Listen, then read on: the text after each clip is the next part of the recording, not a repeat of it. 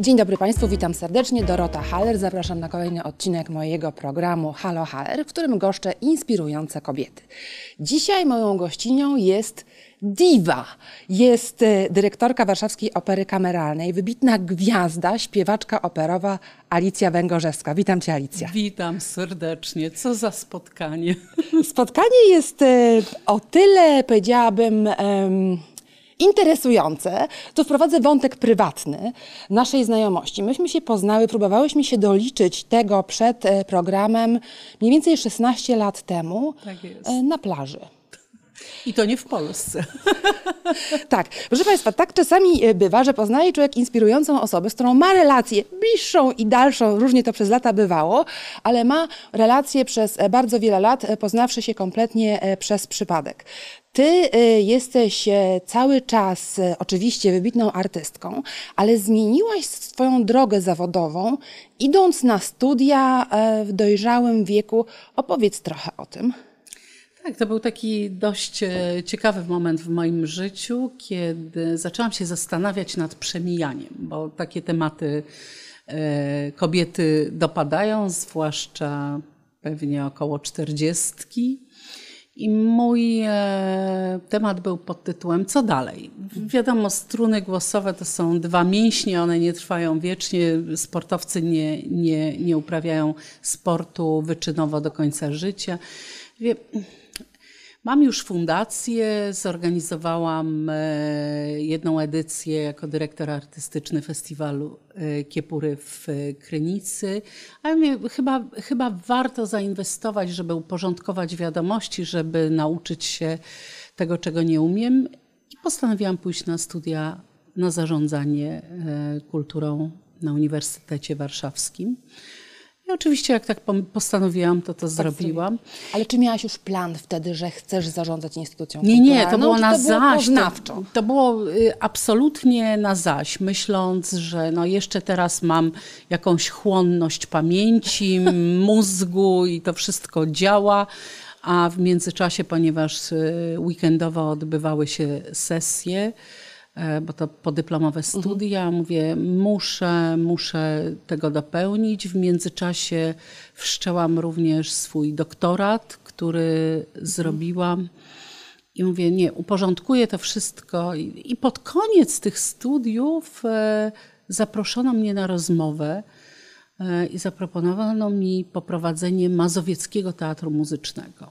To był początek 2015 roku. Mówię, nie, nie, żaden, żaden teatr. Ja mówię, to ja chciałam tam za ileś czasu. Teraz to nie, teraz to ja chcę śpiewać.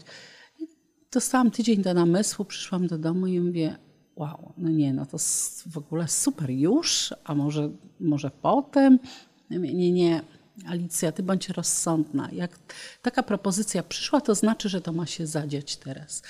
A potem minęło e, półtora roku i e, zaproponowano mi po, po zarządzaniu Mazowieckim Teatrem Muzycznym przejście do Warszawskiej Opery Kameralnej. Którą to przyje, ofertę przyjęłaś? Oczywiście jest to tak wybitna instytucja, że byłoby zaskakujące, gdybyś tego nie zrobiła. Natomiast jesteś artystką. To jest trochę inne zadanie być artystką, twórcą, śpiewaczką, wybitną. Śpiewałaś z najlepszymi głosami w Europie i nie tylko. A coś zupełnie innego zarządzać teatrem. Czy nie miałaś na początku e, nie tylko wątpliwości, bo o tym mówiłaś, ale jakichś e, po prostu najzwyczajniej w świecie wyzwań, które cię trochę przerosły? Tworzenie teatru jest fascynującą rzeczą. Układanie repertuaru, dobieranie obsad, realizatorów, czyli to lepienie, tworzenie nowych zespołów, zderzanie fantastycznych talentów. Bo często jest tak, że reżyser przychodzi ze swoim scenografem, lubi pracować z, z kostiumologiem tym, a nie innym, a ja lubię rozbijać te grupy i łączyć je w nowe, albo zapraszać do tworzenia teatru osoby, które nigdy tego teatru e, nie tworzyły. Taką osobą była Magda Piekosz, do której zadzwoniłam. Magda mówi, Alicja, ale ja tylko filmy robię, oper- o teatr też czasem, ale opery to nigdy w życiu. Ja mówię, Magda, no to czas najwyższy, żeby wyreżyserować pierwszą operę i, i warto to zobaczyć. Będzie to na następnym festiwalu barokowym u nas e, Orfeusz Eurydyka Gluka w, Magdy, w Magdy Piekosz e, reżyserii. Zjawiskowy spektakl, absolutnie malarski, zjawiskowy. E, zresztą Marcel i Kasia Sobańska, Marcel Sławiński, którzy robili Idę i Zimną Wojnę, zrobili scenografię do tego spektaklu. Jest, jest zjawiskowy. Ale wracając do Twojego pytania, Dorota, e, no jest to inny świat, ale tworzenie tego świata e, z punktu widzenia zarządzającego, mhm. a tak jak powiedziałam już wcześniej, miałam powołaną swoją fundację czy też spółkę i bawiłam się bardziej w zarządzanie edukacją, mhm. czy rozwojem e, dzieci, czy pomaganiem dzieciom zdolnym, czy działanie na rzecz dzieci autystycznych, to to mnie wprowadziło w świat zarządzania. Ale mhm. potem, mając te wiadomości, które posiadałam z tyłu teatru, tak, e, żeby zarządzać jednostką, wiedząc, co artysta potrzebuje i jak to funkcjonuje, no to nigdy w żadnej szkole zarządzania, nawet y, na Uniwersytecie Warszawskim, nikt by mnie nie nauczył tyle, co po prostu sama się nauczyłam, stojąc y, za kotarą z tyłu i, i obserwując życie. Tak, podjęłaś szereg bardzo, powiedziałabym, spektakularnych, kontrowersyjnych decyzji. E, które były niezbędne po to, żeby teatr e, był w tym miejscu, Warszawska Opera Kameralna oczywiście był w tym miejscu, gdzie jest teraz.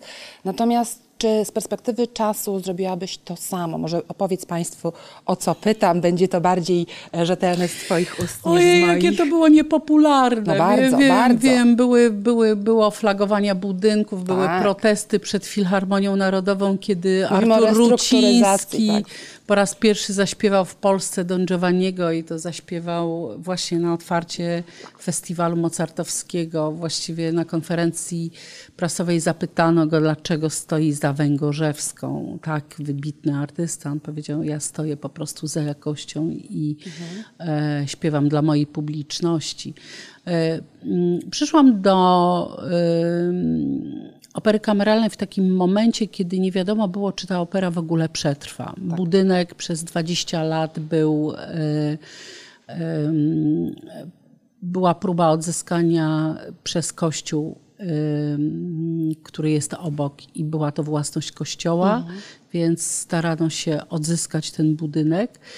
E, więc za moment można by było już po 20 latach procesów przegranych nie mieć tego budynku i, w ogóle opera by uległa rozwiązaniu, ale ona, ona była już w stanie rozkładu wewnętrznego. Dlaczego? Przerost, y, całkowity zatrudnienia. Czyli jeśli mówimy, że w Teatrze Wielkim było dziewięciu solistów, a z reguły w innych operach po 4-5 osób, mhm. to u nas było 55, mówiąc o scenie 8 na 10. Mhm. Były trzy orkiestry. Y, na papierze dwie, ale muzyków orkiestrowych 105, kiedy w, w kanale orkiestrowym się mieści 40, a radiówka liczyła 60, mhm. czyli takie prawie duże dwie orkiestry radiowe.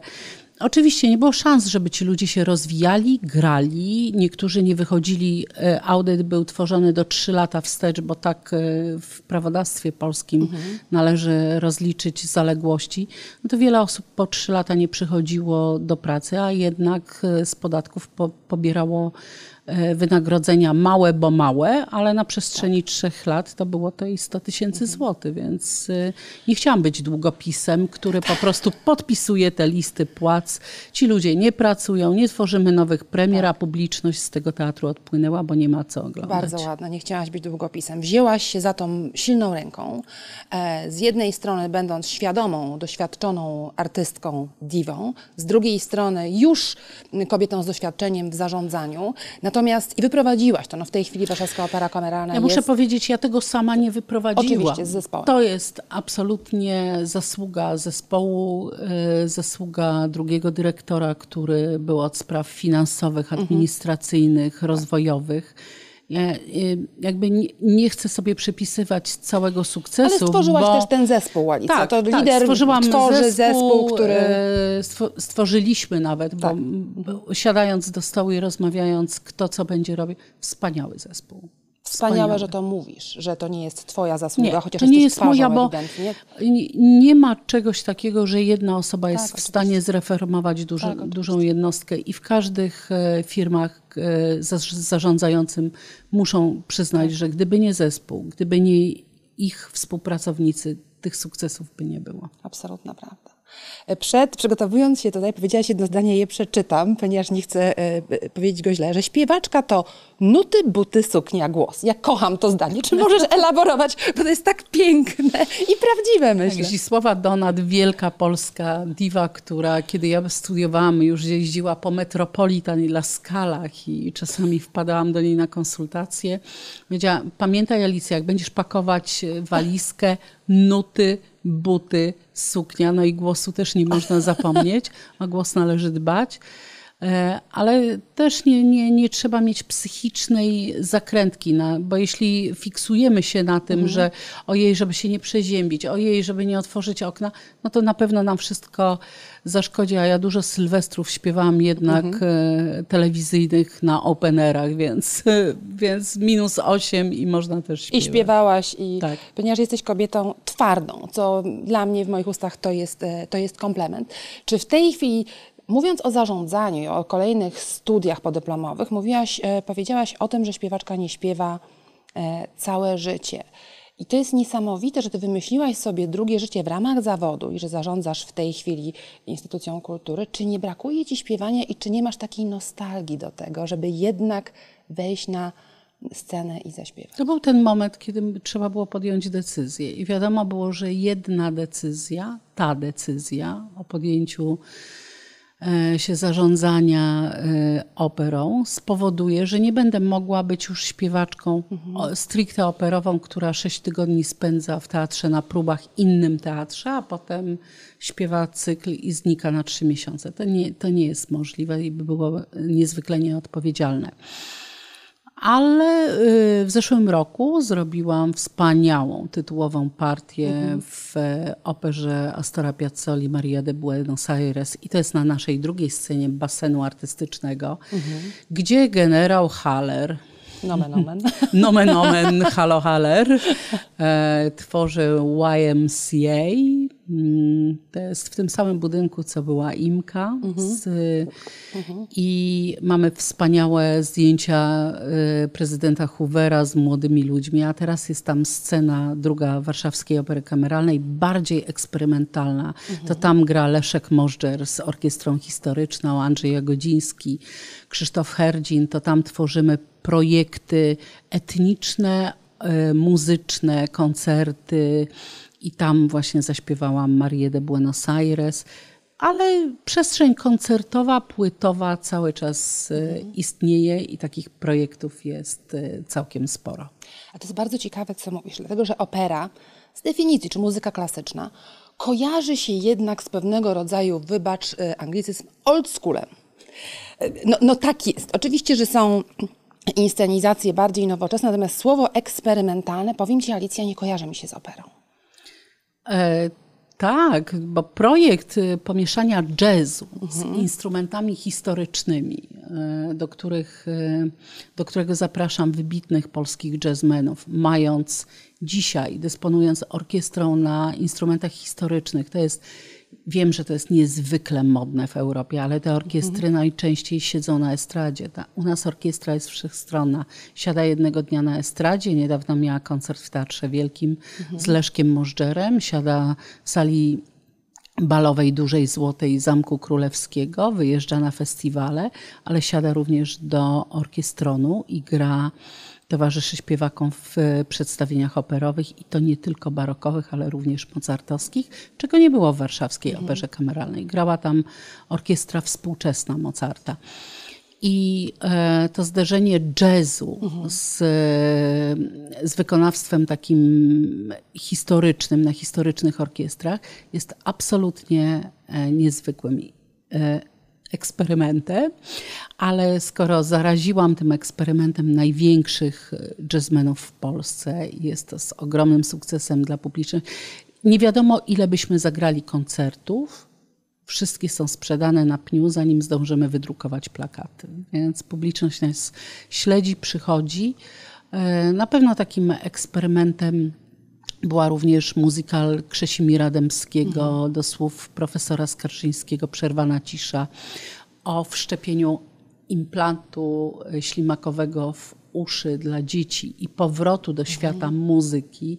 I to był dla mnie wspaniały projekt społeczny, więc tak, basen artystyczny jest na pewno dosyć eksperymentalną, innowatorską sceną. Wspomniałaś, że kiedy e, wraz z zespołem przejmowałaś e, Warszawską Operę Kameralną albo stery nad nią, publiczność odpływała. Z tego, co mówisz w tej chwili, przypływa w hurtowym wprost, e, wprost wymiarze co dalej? Jakie macie plany dalsze na rozwój Warszawskiej Opery Kameralnej? Bo odmładzasz ją po prostu i kreujesz nowe zupełnie doznania. Powiem tylko, że w tym roku pierwszy raz zagraliśmy dla publiczności, a w zeszłym roku wyprodukowaliśmy Wiem. telewizyjnie Dziadka do Orzechów. Tak. To jest pierwszy spektakl e, taneczny, baletowy w historii 60 lat e, tej jednostki kultury. Pierwszy. E, I udało się to wyprodukować. Jest to przepiękny, przepiękna pozycja dla naszego widza ale co roku są nowe premiery, proponujemy kolejne. E, następną taką premierą przed chwilą zmarł Zondheim, który jest właściwie królem Broadwayu i muzykalu amerykańskiego, e, ale także muzykalu operowego, bo to nie mhm. jest, to jest typu West Side Story. To śmieszne, mhm. że właśnie w tej chwili film, w tej tak. chwili film wchodzi. E, który wiele lat od, e, oglądałam, kiedy jeszcze taki film powstał Making of z Bernsteinem, z Kirite Kanałą czy, z Carrerasem, kiedy tworzyli West Side Story. Dzisiaj nowa West Side Story, a u nas za chwilę Zondheim i Company i fantastyczne nazwiska, ale to rzeczywiście jest muzykal, który musi być zaśpiewany przez e, głosy operowe. Wspomniałam o tym, że jesteś silną kobietą. Miałaś różne przygody w życiu osobistym, e, w życiu zawodowym.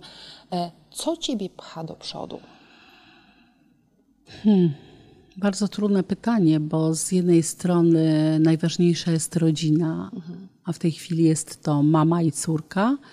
Jakby moje życie osobiste gdzieś pięć lat temu zmieniło tory mhm. i po 20 latach się rozwiodłam a, y, czyli to jest ta moja siła napędowa. A z drugiej strony praca i rozwój. W zeszłym roku udało mi się zrobić habilitację, e, więc to też kolejny, kolejny krok jakby w rozwoju taki, takim osobistym mhm. już y, zrobienia czegoś dla siebie. Na pewno, y, na pewno jestem pracocholikiem mhm. i tutaj bym potrzebowała dobrej diagnozy i kuracji w tym, bo nie mogę, nie mogę po prostu przestać pracować. Ja jestem non-stop w pracy, myślą, mową, e, uczynkiem, zaniedbaniem próbuję, nie? Mhm. E, ale też e, swoje projekty, które chcę tworzyć, które rozwijać. Myślę, że to jest taka, taka całość, no, aczkolwiek rzeczywiście brakuje tego e, aspektu zupełnie osobistego, ale mhm. to widocznie takie są koleje. Coś A jak trzeba wybrać. diwa i dyrektorka Warszawskiej Opery Kameralnej odpoczywa, poza tym, że spotykamy się na plaży za no, granicą? No, tak, jak, tak jak się poznałyśmy. Najlepiej lubię ucie, y, uciec y, i to nagle, y, bo nie planuję jakichś długofalowych wyjazdów, tylko najchętniej to jest tak, o w przyszłym tygodniu wezmę sobie tydzień wolnego, bo mogę, tak? Mhm. bo to jednak teatr jest organizmem żywym i on migruje i tego jest bardzo dużo, więc planowanie długofalowe, zwłaszcza od kiedy jest COVID, w ogóle nie istnieje w teatrze. To jest y, mhm. działanie interwencyjne.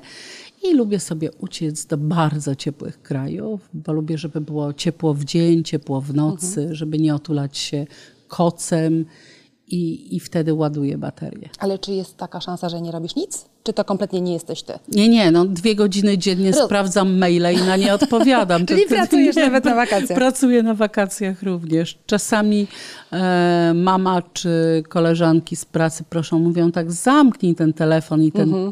e, komputer w sejfie po prostu. Zamknij w sejfie, Bez nie bierz go bez dostępu, nie bierz go na plażę. Alicja, zeszły rok wspomniałaś o tym COVID, COVID, który wszystkich nas dotknął, natomiast instytucje kulturalne, no szczególnie teatr najbardziej, ponieważ nie było możliwości kontaktu z widzem. Mm, Ty zrobiłeś rzeczy, wydawałoby się z pozoru niemożliwe. E, Jak odnalazłaś się w tym, e, w takim błyskawicznym tempie, żeby zmienić modus operandi teatru i zrobić to tak skutecznie? Rzeczywiście, myśmy byli w trakcie trwania marzec 2020, Simone Kermes, królowa baroku na zamku. E, 10 dni jesteśmy przed premierą Castora i Poluxa w obsadzie absolutnie międzynarodowej, włosko, francusko, angielsko, szwedzko, norweskiej. I, I jesteśmy tuż przed premierą, i nagle mówią lockdown. Ale co to lockdown? No to nie, no to pojedziemy, mm, Włosi mówią, pojedziemy na imprezę do Krakowa na tydzień, a potem wrócimy i będziemy dalej pracować. Ja mówię, nie, nie, impreza nie, razem. musicie odlecieć. Alicja, my nigdzie nie odlecimy, my zaraz mamy premierę. Nikt sobie nie zdawał sprawę, sprawy. tak. W ogóle w czym, e, w, czy, w czym musimy zaistnieć na nowo.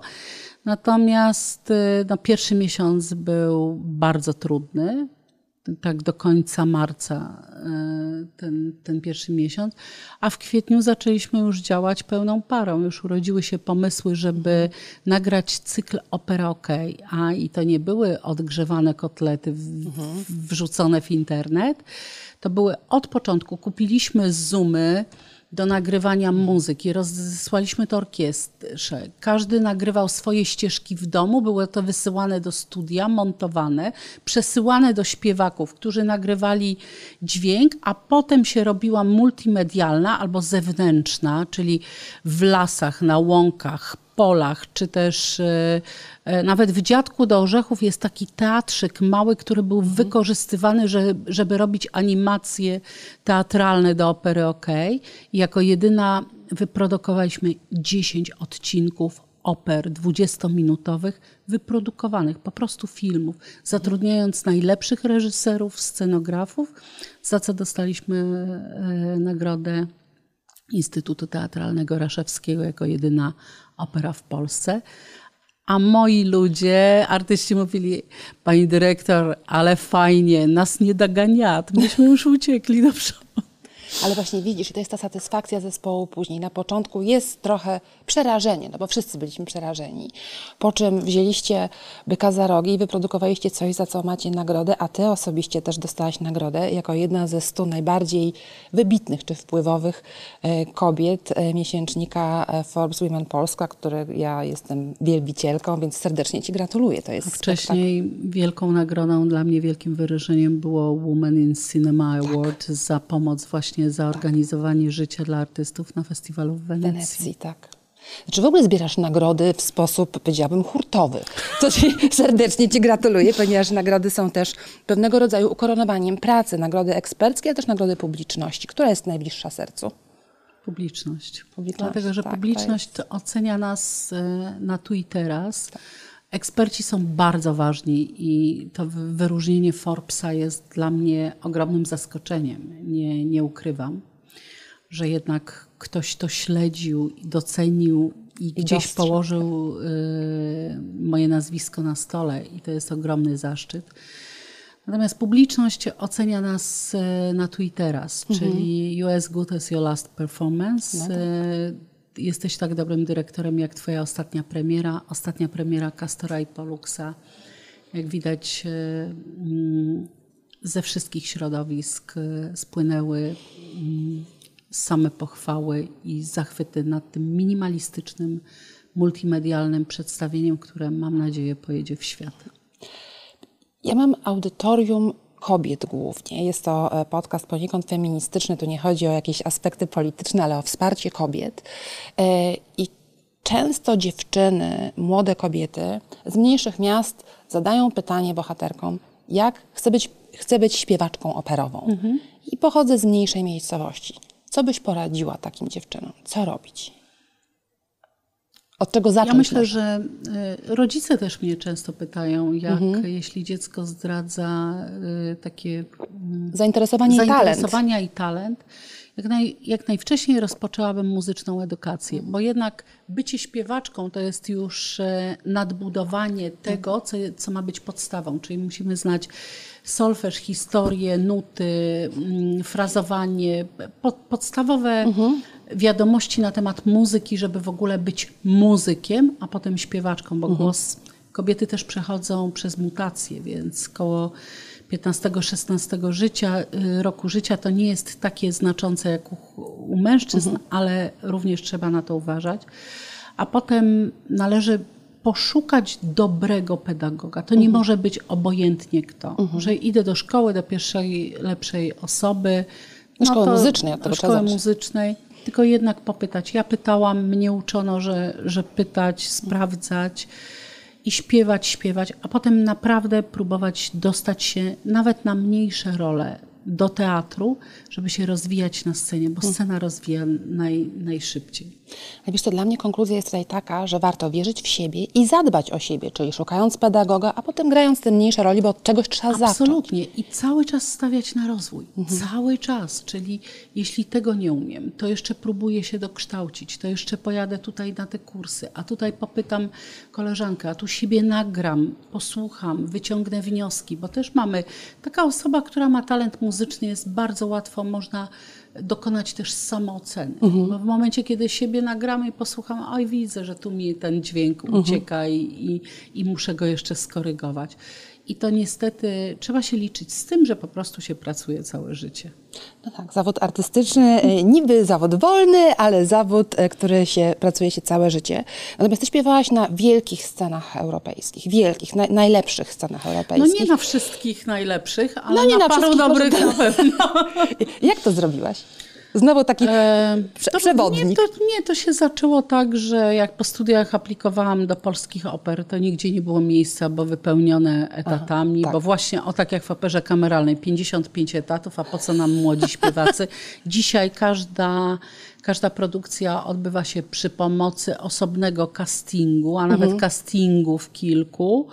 I do każdej roli i do każdej produkcji wybieramy nowych śpiewaków, więc zapraszam wszystkich, bo nasza scena jest otwarta absolutnie na nowe talenty, które stawiamy koło wielkich gwiazd, koło znakomitych realizatorów. O, I to jest ten moment, kiedy robisz skok w rozwoju, bo stajesz na małej scenie, jeszcze nie zedrzesz głosu, a dużo się można nauczyć.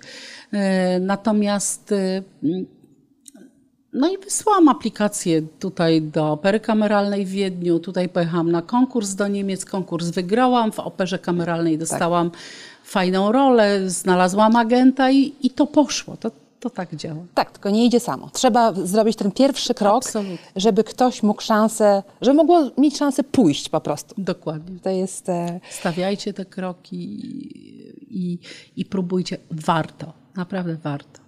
Warto jest zadbać o siebie i Cierpliwość wierzyć. i taka determinacja jest potrzebna y, w zawodzie muzyka, bo czasami można mieć gorszy okres y, albo taki przejściowy, ale w momencie, kiedy cały czas inwestujemy w siebie i e, pokazujemy, że wiem, gdzie jest cel i tylko czasami trzeba po prostu zrobić stop i powiedzieć, a teraz tylko inwestycja, nauka w siebie, a potem to pójdzie na pewno. Wykonujesz zawód, e, gdzie e, fizis jest ważna. E, Jesteś diwą, zatem zawsze musisz wyglądać pięknie, musisz w cudzysłowie. Czy kiedykolwiek doświadczyłaś czegoś, co sprawiło u ciebie przykrość albo taki moment nostalgii mm, w ramach tego, że się starzejesz? Że się starzejemy Oczywiście, wszyscy, ale tak. jesteś Miałam gwiazdą. Taki, miałam taki moment, że byłam trochę przytyta i to po jakichś infekcjach brałam sterydy, Mhm. to potem się jakby przestało mieć kontrolę. Jakby, ja nie miałam kontroli nad ciałem, tylko już ciało, Mhm. Ciało miało kontrolę nad tobą. Tak, nad mną. I zobaczyłam się, pamiętam, w koncercie jakimś telewizyjnym, byłam przerażona, powiedziałam decyd, to jest koniec, koniec, nie, po prostu to się więcej nie zdarzy. I rzeczywiście najpierw była e, ogromna dieta, potem jeszcze jakieś tam kłopoty ze zdrowiem. To wszystko się razem złożyło, a potem no, udało mi się wrócić do wagi, którą dzisiaj absolutnie trzymam. Trzymam taki reżim, że jak gdzieś mi się kilo wymsknie, to po prostu nie jem przez kilka dni, staram się to kontrolować. Ale tak trzeba. W pewnym Dyscyplina. wieku tyje się od powietrza, więc Tak, to już to oddychajmy. omawiałyśmy to też przed wejściem do studia.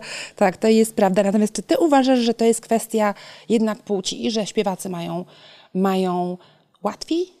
Czy nie? Oczywiście, że śpiewacy mają łatwiej. My kobiety mamy dzieci, Tak. więc e, powrót do dziecka, zadbanie o dziecka, rozwój, Mhm. e, zadbanie o dom. No, moi koledzy śpiewacy mężczyźni mają trochę lepiej. No, żona zostaje z tymi dziećmi w domu, dzieci chodzą do szkoły, a mężczyzna spędza trzy miesiące w Nowym Jorku czy w Buenos Aires i jest okej. nie? Tak, pra prawda uniwersalna. Chciałam o to zapytać, ponieważ to jest moje absolutne zdanie, że kobiety mają generalnie trudniej w życiu e, i powinnyśmy się nawzajem wspierać. Jesteśmy w okresie około świąteczno-noworocznym. Ja chciałam zapytać, czego mogę Tobie, kobiecie sukcesu, kobiecie spełnionej i silnej, życzyć?